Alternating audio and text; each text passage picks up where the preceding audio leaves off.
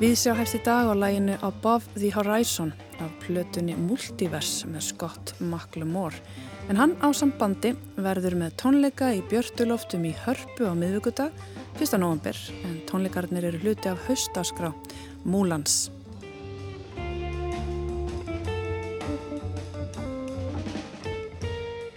Í þætti dagsins ræðum við við nýbakaðan handhafa bókmæntaveluna Tómasar Guðmundssonar, heyrum fréttir af listaháttinni Sequences og fáum ríni í múttu Kuras og við veltum fyrir okkur stittu sem að mögulega ætta fjarlæga úr almenningsrýminu.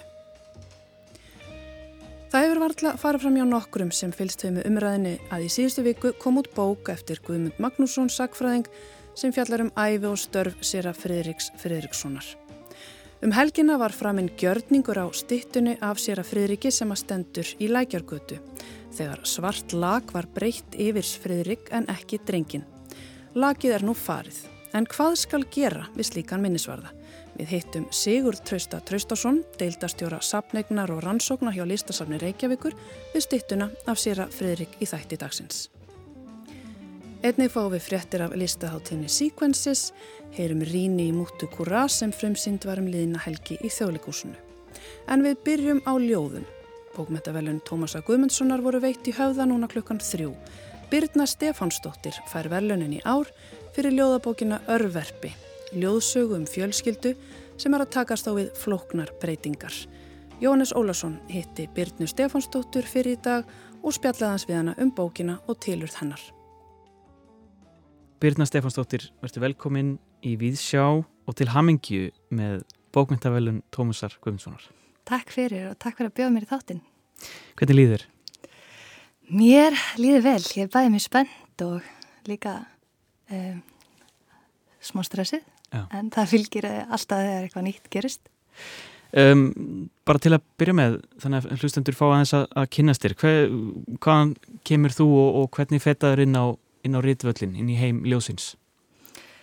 Herri já, um, ég sérst tók B.A. í stjórnmálafræði og ætla alltaf að fara í master í einhverju slíku en svo kom COVID og þetta var einhvern svona COVID ákvörðun að ég ákvaði að sækja mér reyðlist í HÍ og þar með uppfyll einhvern svona æsku draum um að um, prófa að skrifa mér á skapandi hátt. Mm. Ég hef skrifað í fjölmjölum og byrja auðlýsingarstofur og fleira en, en ekki einhvern veginn skapandi og komst inn í reillistina og eittir síðan næstu þreymur árum í að prófa það. Já. Skrifaði í fjölmiðla ofinbarlega en áttir alltaf einhvern veginn draum og, og búin að vera að skrifa eitthvað skapandi svona hún í skuffu eða? Já, kannski svona eins og er klassíst þá skrifaði ég sem, sem bann og sendi mikið í bannamokkan og og fleira Já. en hættilega að skrifa í menturskóla það þótti ekki með kúla að lesa bækur eða skrifa mm. og fór mér að skrifa tók þátt ég öllum blöðum sem ég komst í í menturskóla, fór mér í þá áttina Já, þannig að þú fekkist inn í stjórnmálinn frekar en, frekar en hérna, Já, og bókmynda. bara hef alltaf haft mjög mikið áhuga á allskeins upplýsingum og setja hluti í samhengi og, mm. og hef það ennþá en svona eftir menturskóla kannski þá var þetta eitthvað svona tækill að takast á við tilfinningar og oft erfiðar tilfinningar og skrifa eitthvað hann í skuffu en ekkert hann er miklu magni. Já. En sko þú segir að þú hefði byrjað að skrifa uh, að því að COVID kom og það voru allir einhvern veginn heima margir fundur sér sín, sín verkefni. En hvað var það sem kvattið þig til þess að uh, klára heilsteft bókmynda eða að ljóð, ljóðaverk? Nú, nú skilaður inn hérna, þessari bók sem heitir Örverpi inn í, í þessa samkeppni. Hva, hvað var það sem dreifði áfram í að, að hérna, klára þetta? Sko það er svolítið gaman að segja fyrir því að þetta var ekki, ég var sérst að vinja í öðru handriti, sérst badnabóka handriti um, og var í Greiklandi á eigi sem myndi Sýros, var þar í sex mánu á þessu ári og, uh, og var ætlaði sérst að skrifa um, samband alpæsunar pappanar og pappanar er sérst með svona fyrstu enginni heilabilinar En það gekk svona frekar illa að skrifa sambandir á samfærandi hátt. Og svo eftir eitt af mörg síntalum heim til fóröldra minna, þá hefði ég eitt tölunum tíma að útskýra fyrir pappi mínum hvað ég væri nú stödd í heiminum og okkur ég væri þar. Mm. Þá enda ég að skrifa tvæ línur neyri bókina eftir það. og í rauninu næstu dag eftir það bara svona flættu þessi ljóð út um mér eins og það opnast einhver gátt og atbyrðir og tilfinningar og samröður einhvern veginn vildi bara byrtast og eftir að hafa streystað þessu mótið ákvæði að þetta var handriti sem ég ætti að vinni í. Og enda að gera það og senda það handritin í þessa keppnu og núna er þessi bók að koma út. Hvernig vannstu þessa bók? Þú, þetta eru, eru fáarlínur á, á hverju síðu og, og það verður til einhver svona, einhver mynd upp úr fáum orðum. Um, hvernig hugsaður bara uppbygginguna, sko, þú byrjar bara með því að skrifa þessar örfáu línur og það verður í rauninni stílinn á þessari bók en, en hann er nær svolítið líka bara utanum efni bókarinnar. Já, einmitt. Um, það var ekki fyrirfram ákveðið, en byrti svolítið svona og í endurskrifanum þá sífælt uh, eh, urðu þau stittur og stittri og allt sem ég var óþarið var skori í burtu. Mm. Um, bæði, þá, bæði þannig sem kom út og er eina leiðin fyrir mig til að fjallum þetta en já, eins og kannski oft fólk segir þegar þú ert að tala um eitthvað ótrúlega tilfinningabært að þá hendi fáur beturð og svo öfugt þegar maður er að tala um eitthvað hverstaslegt þá þetta séu þetta mjög í rauninni hverstaslegar ljóðlínur mm -hmm. og stuttar en svo var ég að hugsa um daginn að því sérst Tara vinkona mín gaf mér bókina Kona eftir Annie Ernaux þar er hún að fjalla um samband sitt og móðusinnar og þetta var lengi árið ég byrjaði að skrifa þetta handrit.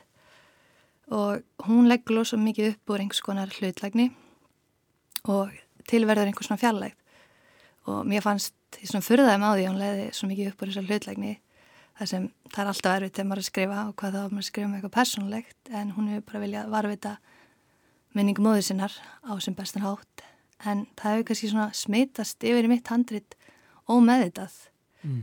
þessi kannski svona smá fjarlæð og þessi litla tilfinningasemi í orðunum sjálfum Já. og þannig kannski kemur svona bladamæðurinn í þér. Já, eða? það getur líka verið. Já. Einhvern veginn svona leiðin en komast alltaf einhverjum kjarnar. Já.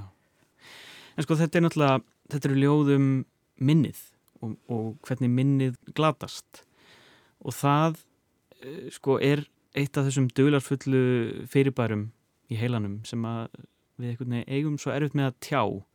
Það er svo áþreifanlegt sko við, við eigum minningar í í hlutum og, og ljósmyndum og slíku en það eru náttúrulega fyrst og fremst í okkur sjálfum um, hvernig komið þessar setningar til þín Vastu, sastu við og, og einhvern veginn skrifaðir eða, eða komið þetta bara svona smám saman?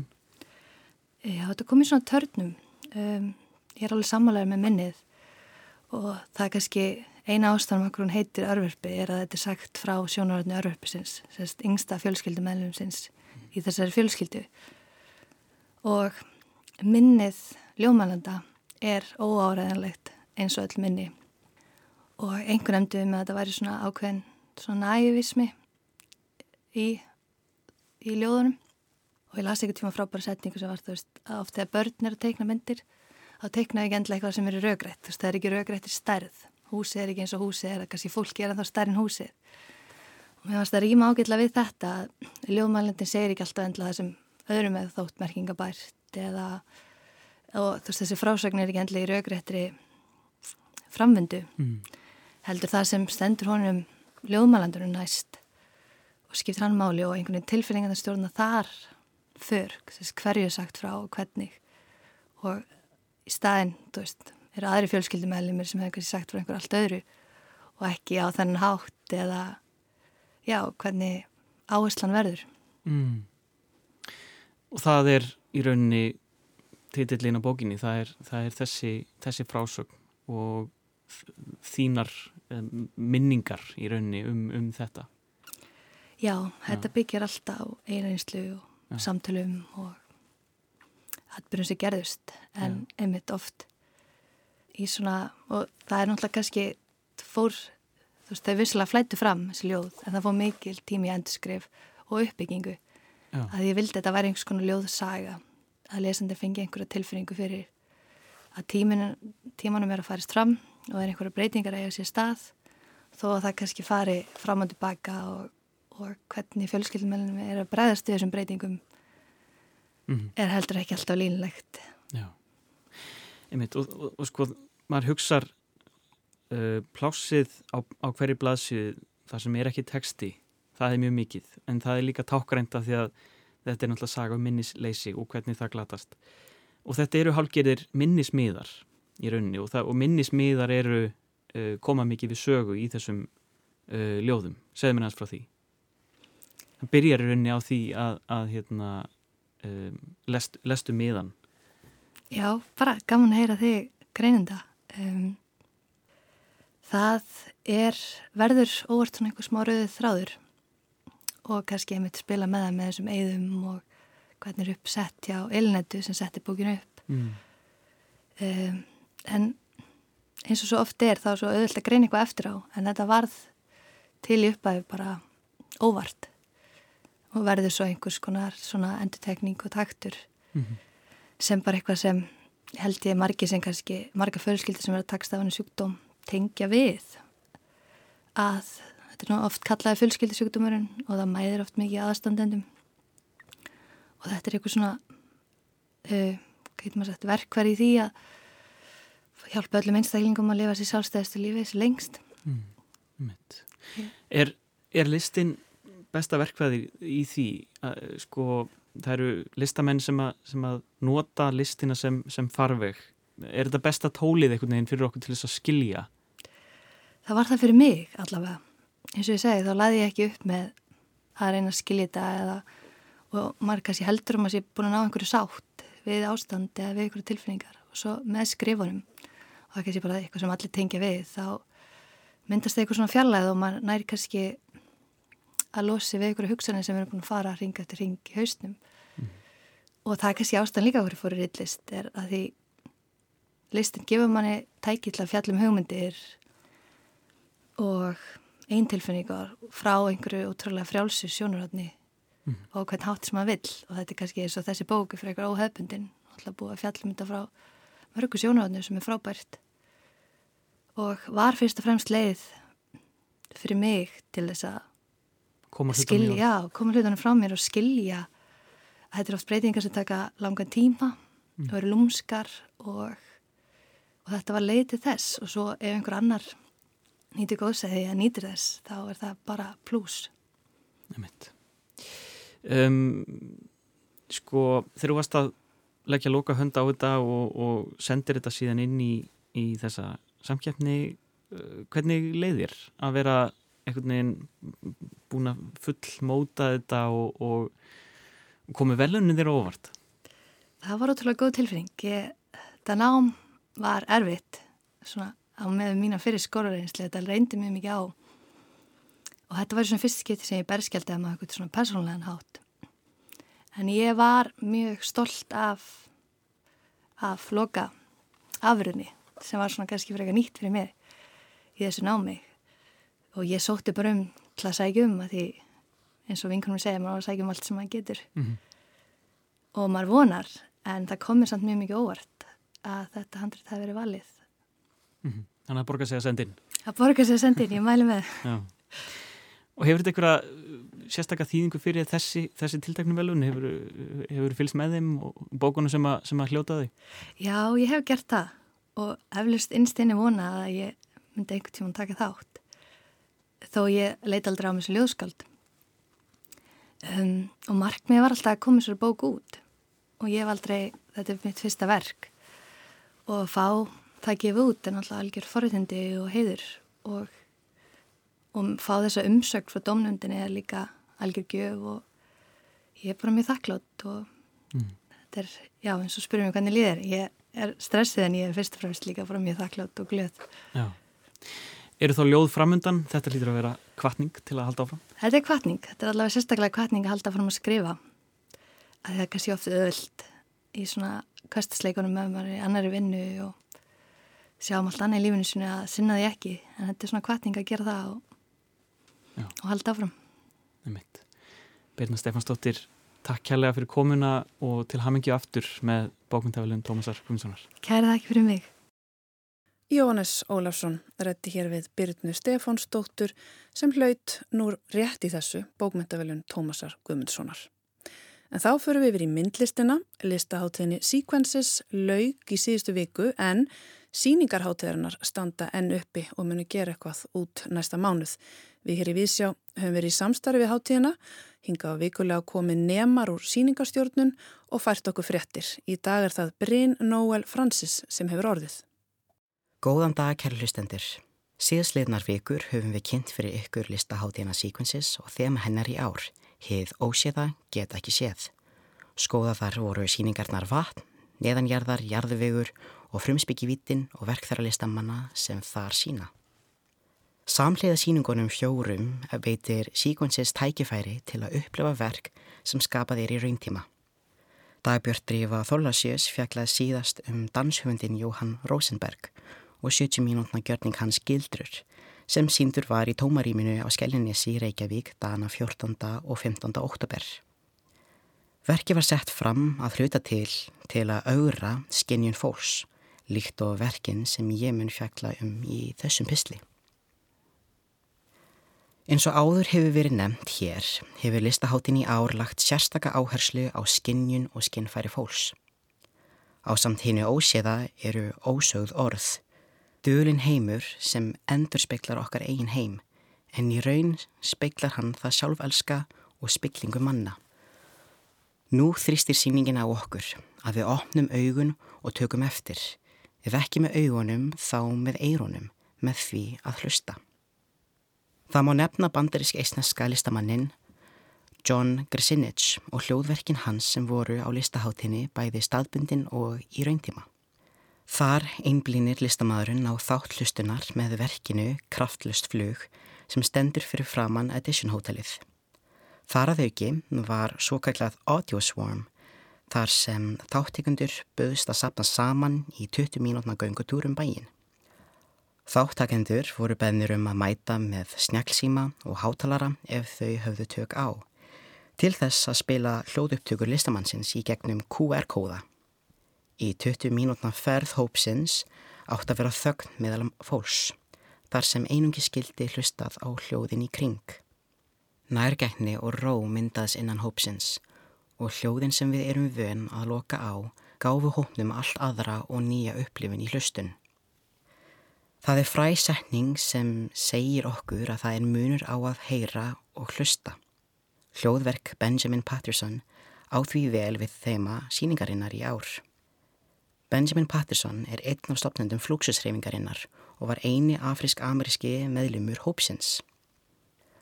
Fluxus var stopnað á sjönda áratögnum og leitust meðlumir reifingarinnar við að afmá mörkin mikli listar og lífs, listamanna og áhorfenda og myndlistar og sviðlista. Meðal þeirra listamanna sem störfuði innan hópsins voru til dæmis Yoko Ono og Namjón Pæk.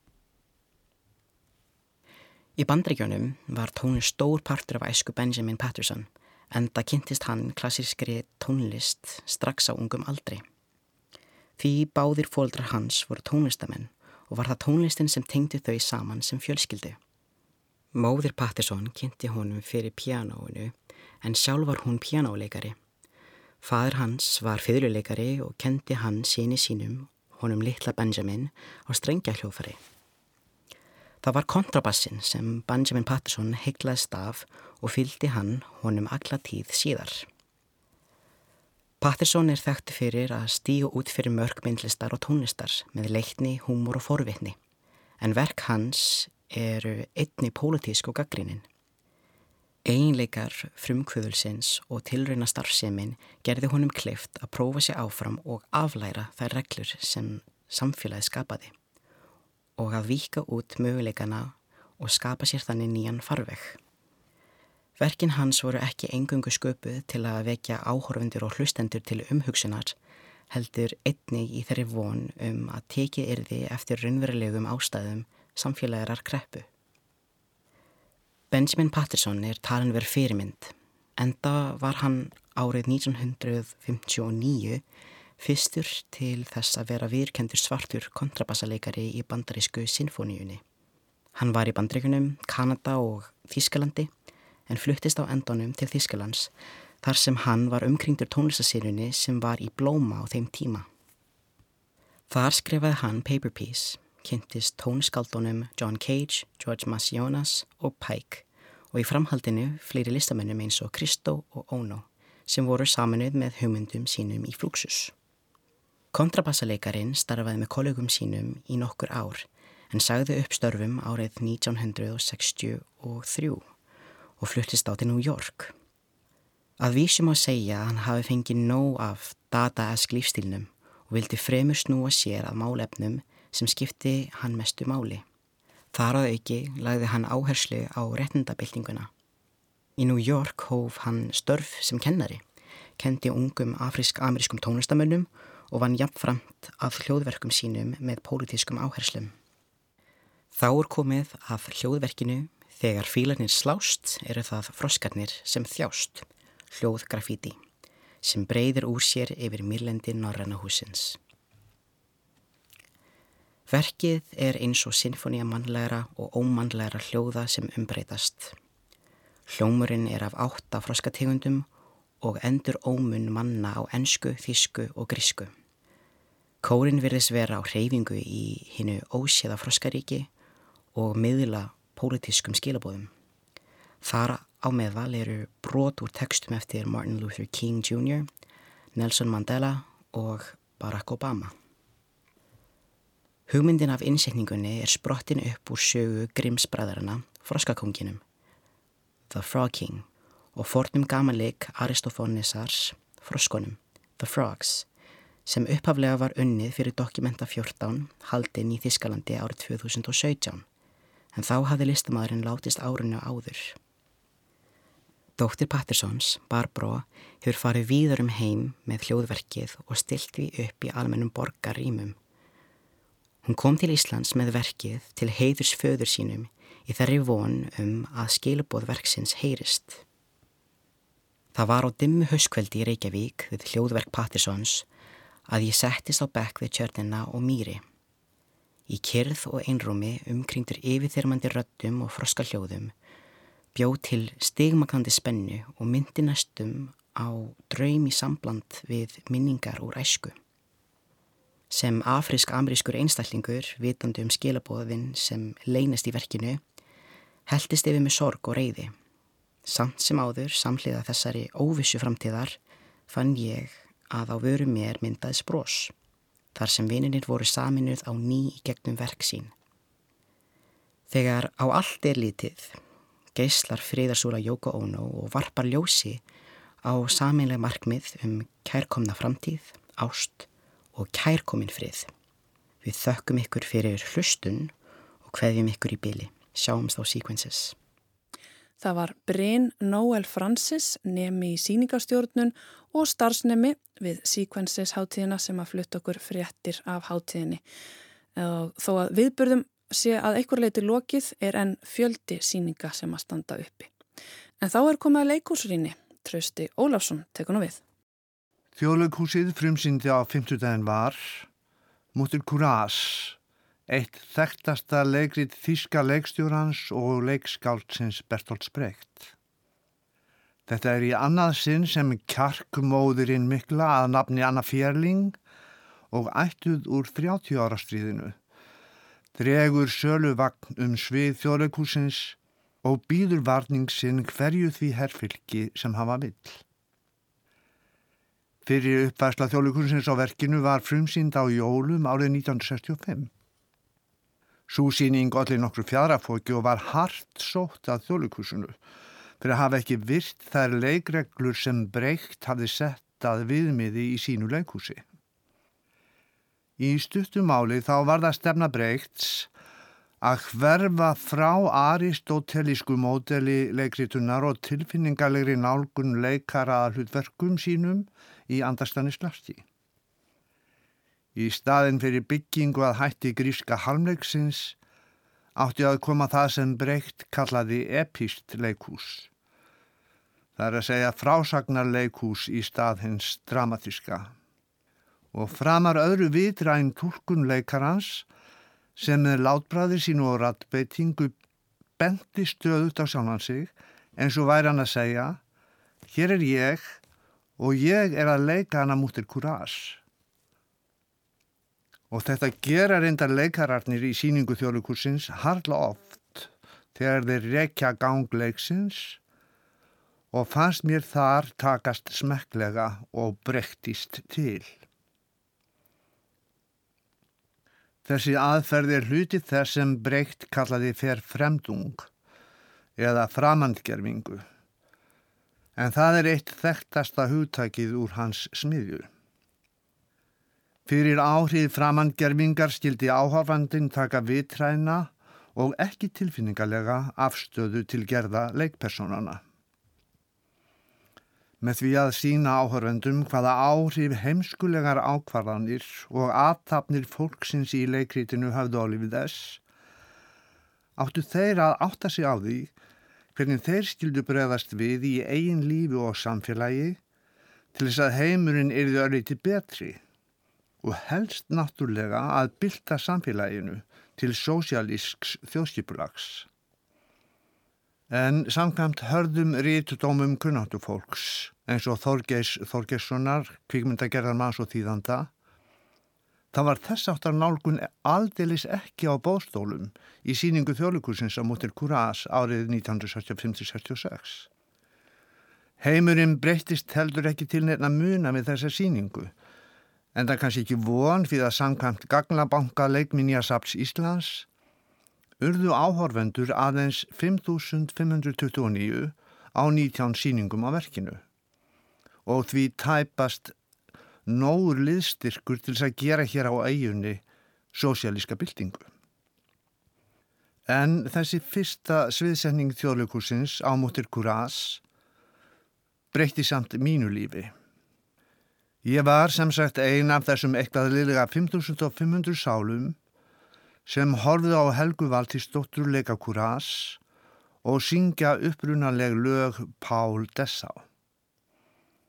Þetta var fyrsta leiksýningin sem ég sá í þjóðlukursinu og allar götur síðan hefur Stuðlabergs höllin við hverfisgötuna og aðra slíkar viðsvegar um heim verið mér eins konar tilbeðslu staðir. Þótt ég hafi ekki alltaf verið sæll og ánægður með helgi og bænahald í þeim veraldlegu musterum. Una Þorleifstóttir leggstýrir nýri síningu þjóðlikursins á leikriti Bregts og meðhöfundar hans Margarete Steffin. En Bjarni Jónsson þýtti verkið sem nú er kallað Múta Kurás. Bjarni sínist mér raunar hafa gert meira en bara þýða frumtekstan því að víða höfðu hann og samstarfsmenn hans leikið sér með orðalag breykts og jafnvel uppbyggingu einstakra atriða verksins. Og ekki bera amast við því að þarna séu nýjar leiðir við að nálgast þann gimstein sem leikritið múttir kurasi er og slípa þennan diamant.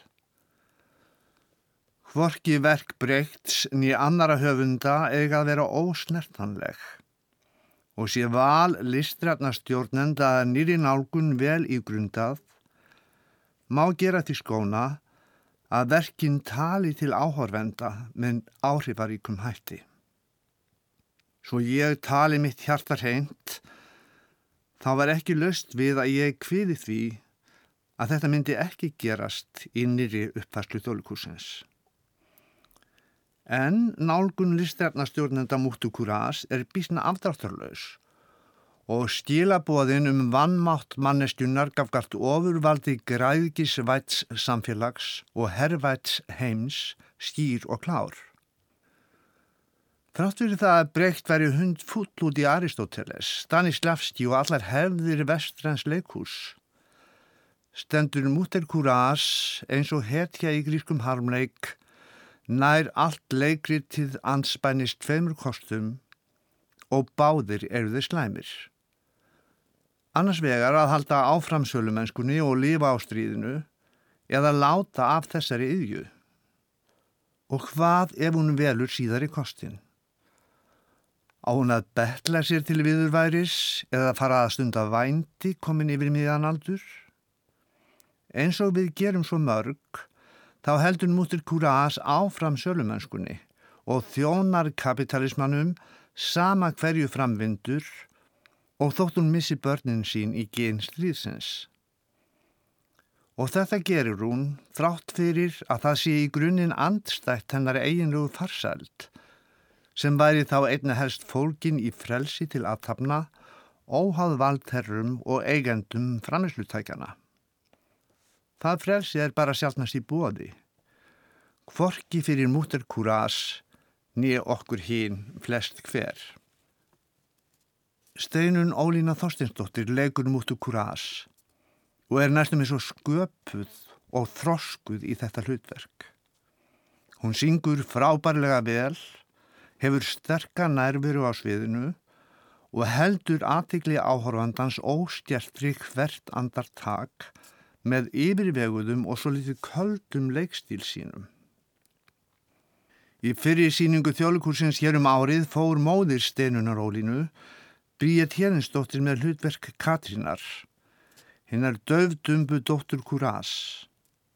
Bríet er mér óglemanleg þegar hún barði trumbur til þess að vara íbúa nærlikjandi borgar við yfirvofandi hernaðar á rás og Steinun Ólína sem múta Kurás mun setjast það í minningabanka margra þeirra sem eiga eftir að njóta síningarinnar í þjóðlíkursunu á næstu mánuðum og vonandi verða þeir mörgum sinnum fleiri en þeir urðu leikarði 65-66.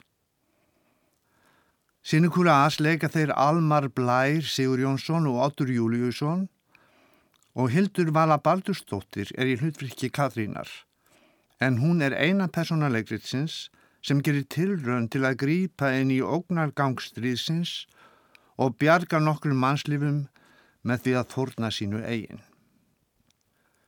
Börnin hennar Kurás eru öll vel tólkuð í síningunni og mjög gaman að sjá unga leikara geistla á sviðinu. Og ekki spillir það ánægjunni af að horfa á þetta fólk að það syngur skýrt og fallega tónlist þeirra Valgeis Sigurssonar og Helgar Haps Jónssonar en hennar aðalsmerki er að hún stýður vel við tekstasöngvanna og gerir aldrei tilraun til þess að yfirtaka síninguna. Heldur öðru lifandi hluti af hennar vitrænu og greinandi heilt og stundum svo sem breykt sá fyrir sér partur af framangerfingunni. Aðri leikarir í síningunni eru Allir Sigurðarsson, Ernesto Camillo, Alda Sabal, Valdes, Guðrúna Skísladóttir, Hilmar Guðjónsson, Sigurður Sigurjónsson og Vigdís Hrefna Pálsdóttir. Og auðvitað kemur það engum neitt sérstaklega óvart að allir þessi leikarar draga upp trúverðugar myndir af þeim karakterum sem þeir tólka og skapa mörg, sterk augnablík á sviðinu.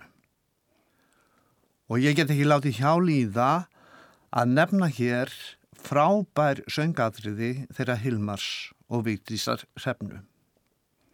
Leikópurinn er sterkur, leikmynd Ilmar Stefánsdóttur sem í grunninn er aukt svið, rammar síninguna vel inn og á viðegandi hátt.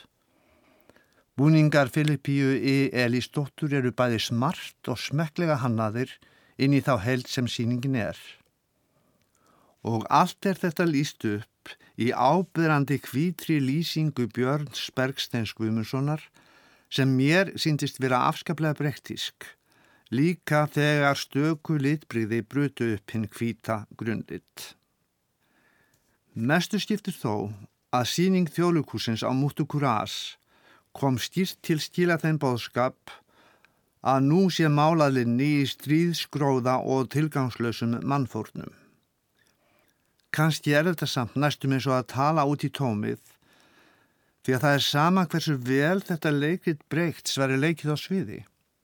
Styrjaldirnar halda áfram, eigað síður og nýjar breyðast út.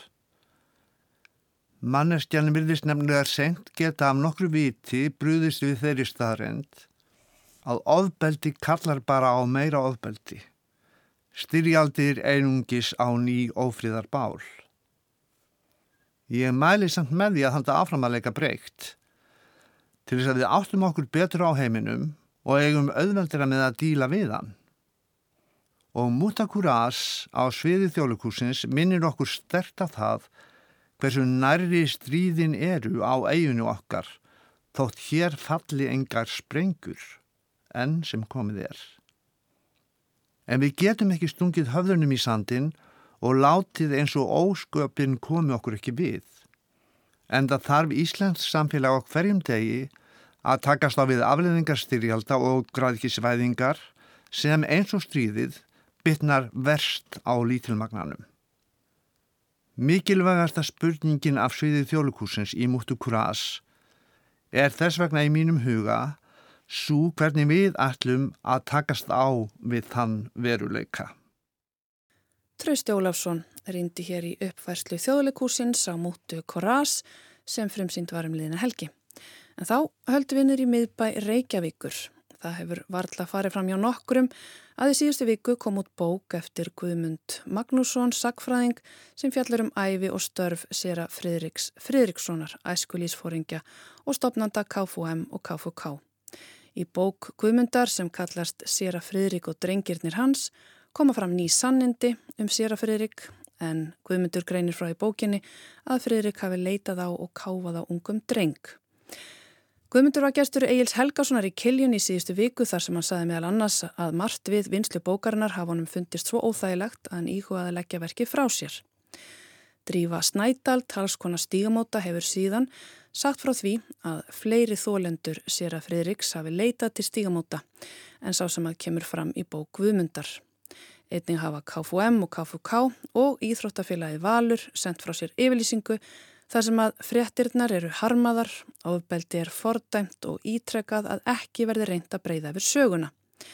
Að sjálfsögðu hafa fréttir og samfélagsumræðan og öllu miðlum snúið að þessu máli, eitt áðasti Íslandingur síðustu aldar, sem hafinn var upp til skíjana í lifanda lífi er fallin af stalli sínum og að sjálfsögðu hefur umræðin beinstað stittunni sem stendur í lækjargötu, stittan af Sýra Fridriki og drengnum hans, þar sem að Fridrik situr á stól og heldur í hönd lítil strengs.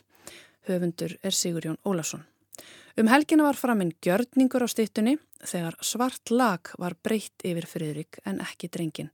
Lagið er nú farið. En hvað skal gera við slíkan minnisvarða? Ég mælti mér mót við Sigur Trausta Traustason, deildarstjóra sapnegnar og rannsóknar hjá listasafni Reykjavíkur í lækjagutin í hátteginu en áður en að ég tók hann tali hitti ég nokkra emmeringa. Hæ stelpur, eigið eina mínúti? Já. Já. Eru þau líka í emmer? Já. Já. Allir í matatíma núna? Já. Herðu, vitið þið hvaða stitta þetta er? Já, þetta er kallan sem gerði KFUM og KFUMK. Já. Einmitt, einmitt.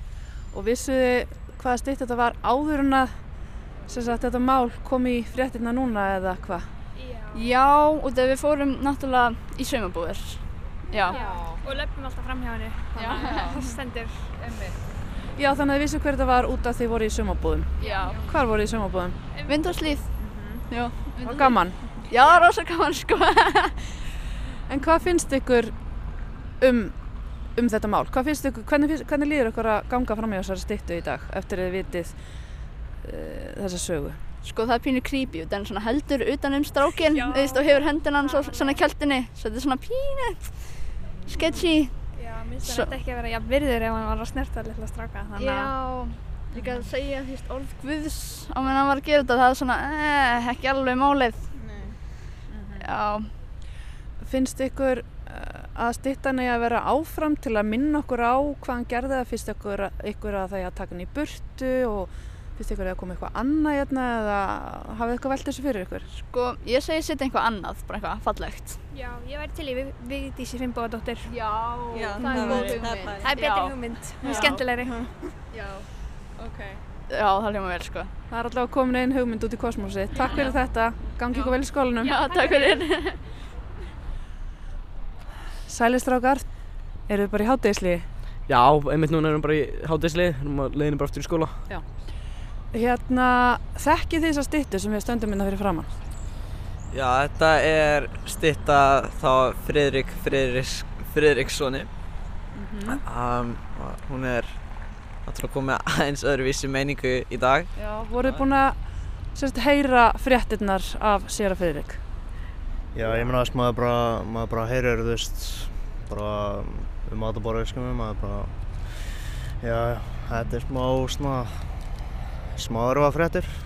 Erfiðar, já. Já, horfandi á stittuna núna þess, þannig með hérna, hendi að drengsins í klófin á sér að halda henni svona, þetta er nú ekki alveg gott lukk fyrir bara bæinn.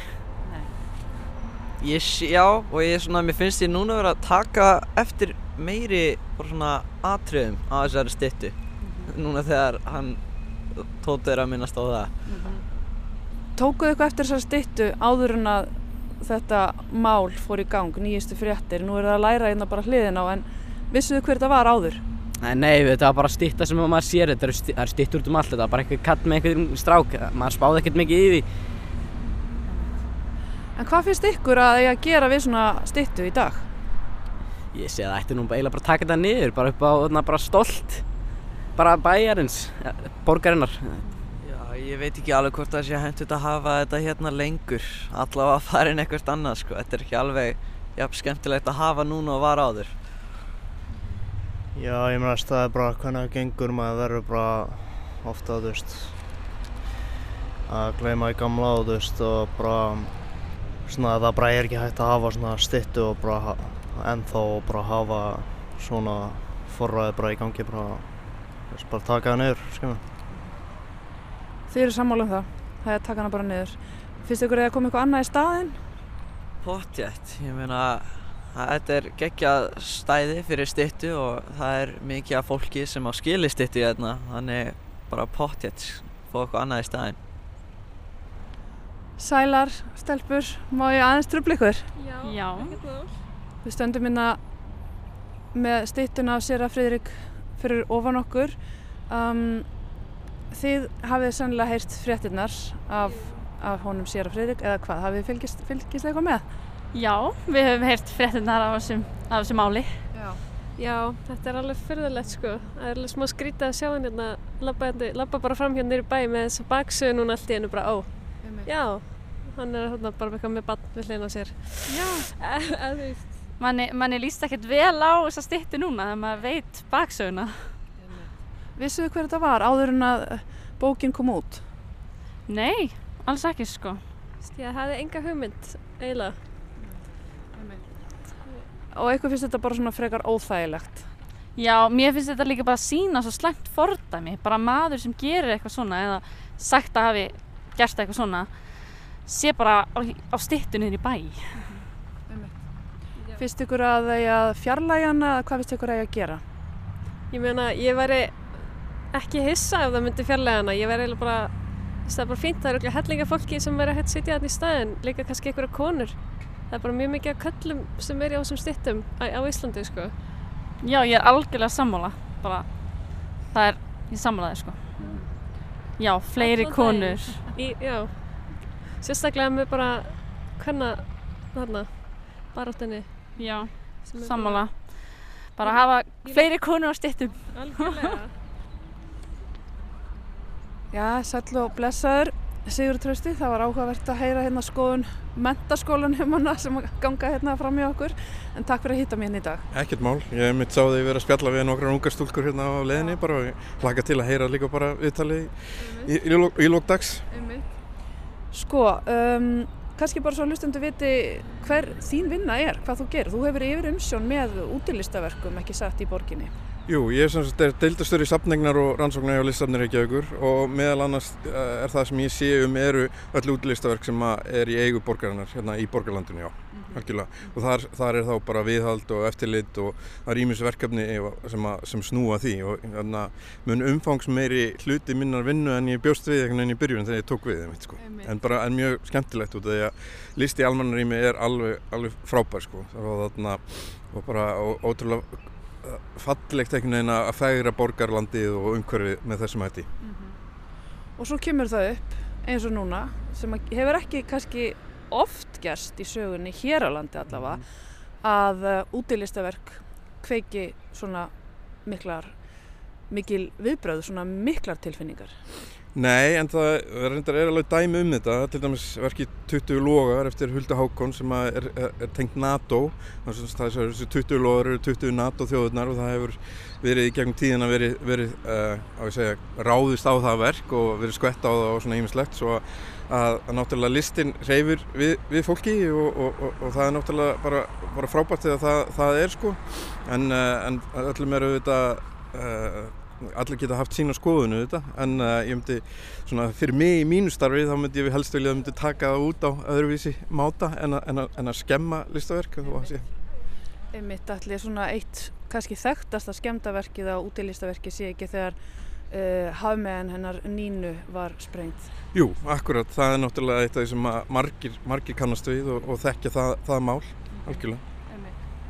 Sko það eru, svo sjáum við stittur koma og fara, það verður að gera við þær og þú veist það er koma og fara og, og, og við vitum það. En sko er, er einhver fordami fyrir því að stittas hafi verið fjarlagð úr almenningsrými uh, svona að virðingu við almannarýmið að ákverðinu hafi verið tekinn hjá ykkur? Ekki svo ég viti til, ekki, ekki af borginni eða listafni Reykjavík sko. það hefur ekki, þetta svoleiðismál hefur ekki komið upp. Allavega, sérstaklega ekki minni tíð allavega. Ég er búin að vera núna í sjö ári mínu starfi uh, og það hefur ekki komið upp hinga til. Nú hafa þetta skapast heitar umræður eftir að þetta kemur í ljós og það er það verður ekki tort fram hjá því að þetta er óþægli stitta, ég held að við getum alveg sagt það að okkur finnst það persónlega þó við séum hér í hlutverki eitthvaðs um, er þetta rætt? hefur þetta verið rætt hjá ykkur? Já, auðvitað hefur þetta verið rætt og það var bara strax bara, bara um leiði morgunin eftir að, að, að þetta viðtal kom fram og þá fóru, við að ræða þetta sérstaklega. Að koma að náttúrulega fyrirsputni frá, frá fjölmjölum og frá almenningi um, um stittuna uh, og þetta er komið bara í ákveði ferli. Þetta, þetta þarf að taka þetta fyrir af, af ráðum borgarinnar, menningar og íþrótt og tónstundaráði og borgaráði uh, og það sem mitt hlutverk er að ég býð bara átækta hvað verður ákveðið þar sko og við erum búin að senda, og, uh, senda inn þarna upplýsingar um verkið sem að, að borgaráð getur þá nýtt sér þegar þessi ákvörðunum er tekið en það er svona okkar hlutverk, við erum svolítið í, í, í byggstu og þetta er alveg rétt hjá það sem þú segir að, að, að þó að maður þegar maður lítur á þessu stittur finnst, finnst manni þeir vera eilívar, það eru sko massívar og stórar þannig. En það eru bara svo ótrúlega mörg dæmi um að þau séu bara, séu ykkur ákveðin rókering í, í gangi. Og eitt dæmi til dæmis er að stittan af Jónasi Hallgrímsinni stóð hér fyrst og sett upp 1905 fyrsta verkið sem er, er í almannarími eftir íslenskan listamann Einar Jónsson. Og það stendur núna út í hljómskólagarði svo að, þarna, að það er alveg mjög mörg dæmi um að, að þessi verk séu færð. Það er ekki mörg dæmi um það að uh, högmynd af uh, manni sem var gerð á meðan hann livði séu til staðar. Ég held að ég sé að fara með réttir að segja að sér að Fridrik sé eini maðurinn sem að reistur var minnisverðum á meðan hann livði Ég held að það geti alveg verið rétt hjá þau sko. Ég hef ekki kannað það alveg en það geti verið einhver annu dæmi en, en ég held að þetta sé allavega eitt af bara, maður getur ekki tala, þú veist, það telur bara á annar hendið allavega sko, það er fleiri. Sem er enn eitt dæmi sem sýnir bara hversu mikið hann var dýrkaður. Já, og enda, þú veist, stofnur KFM og, og, og K og, og stofnur Vals og Hauka, þetta er ekkert smá sem að þessi maður kom til leiða á sínum, sínum tíma og var náttúrulega í algjörði dýlingatölu svo að þarna, maður, maður skilur þetta alveg á, á þessum tíma að þannig að þau hafi viljað uh, reysunum þetta heiðursmerki. Sko, það, þetta er nýttan nálinni eins og segir hér í bæ að það sé tekinniði stitta bara að virðingu við við þólendur um, en þetta er ekki nýtt á nálinni út í heimi. Það síðustu árum, sérstaklega kringum uh, MeToo og Black Lives Matter hreyfinguna í bandaríkjónum þá hafa verið mjög miklar umræður um þetta einmitt, bara hvað eigi að gera við þessar stittur, hvað á að rýfa það niður og bara hennilega sprengja það upp eða á að geima það eitthvað staðar, það er þetta margt sem kemur til greina, það er þetta að taka hana. Það er líka þetta að hafa hana áfram til að minna okkur á söguna en í þessu tilfelli er það kannski eitthvað erfitt vegna þess að það eru þólendur kynferðsóbeldi sem að eiga öruglega erfitt með að ganga hér hjá. Mm -hmm. Það er að setja, stundum er svo leið farin ekki satt á söfnum að setja minnisvarandi hliðar, setja nýtt skildi sem að segir hver ný saga er, ekki satt? Jú, það hefur verið farið í ímsa leðir sko og sérstaklega eins og í tengsluði Black Lives Matter og, og sérstaklega í Suðuríkjum bandaríkjana þá er náttúrulega verið að, rífa niður þessi stittur á þessum Suðuríkja herrfóringum alveg hæri vinstri.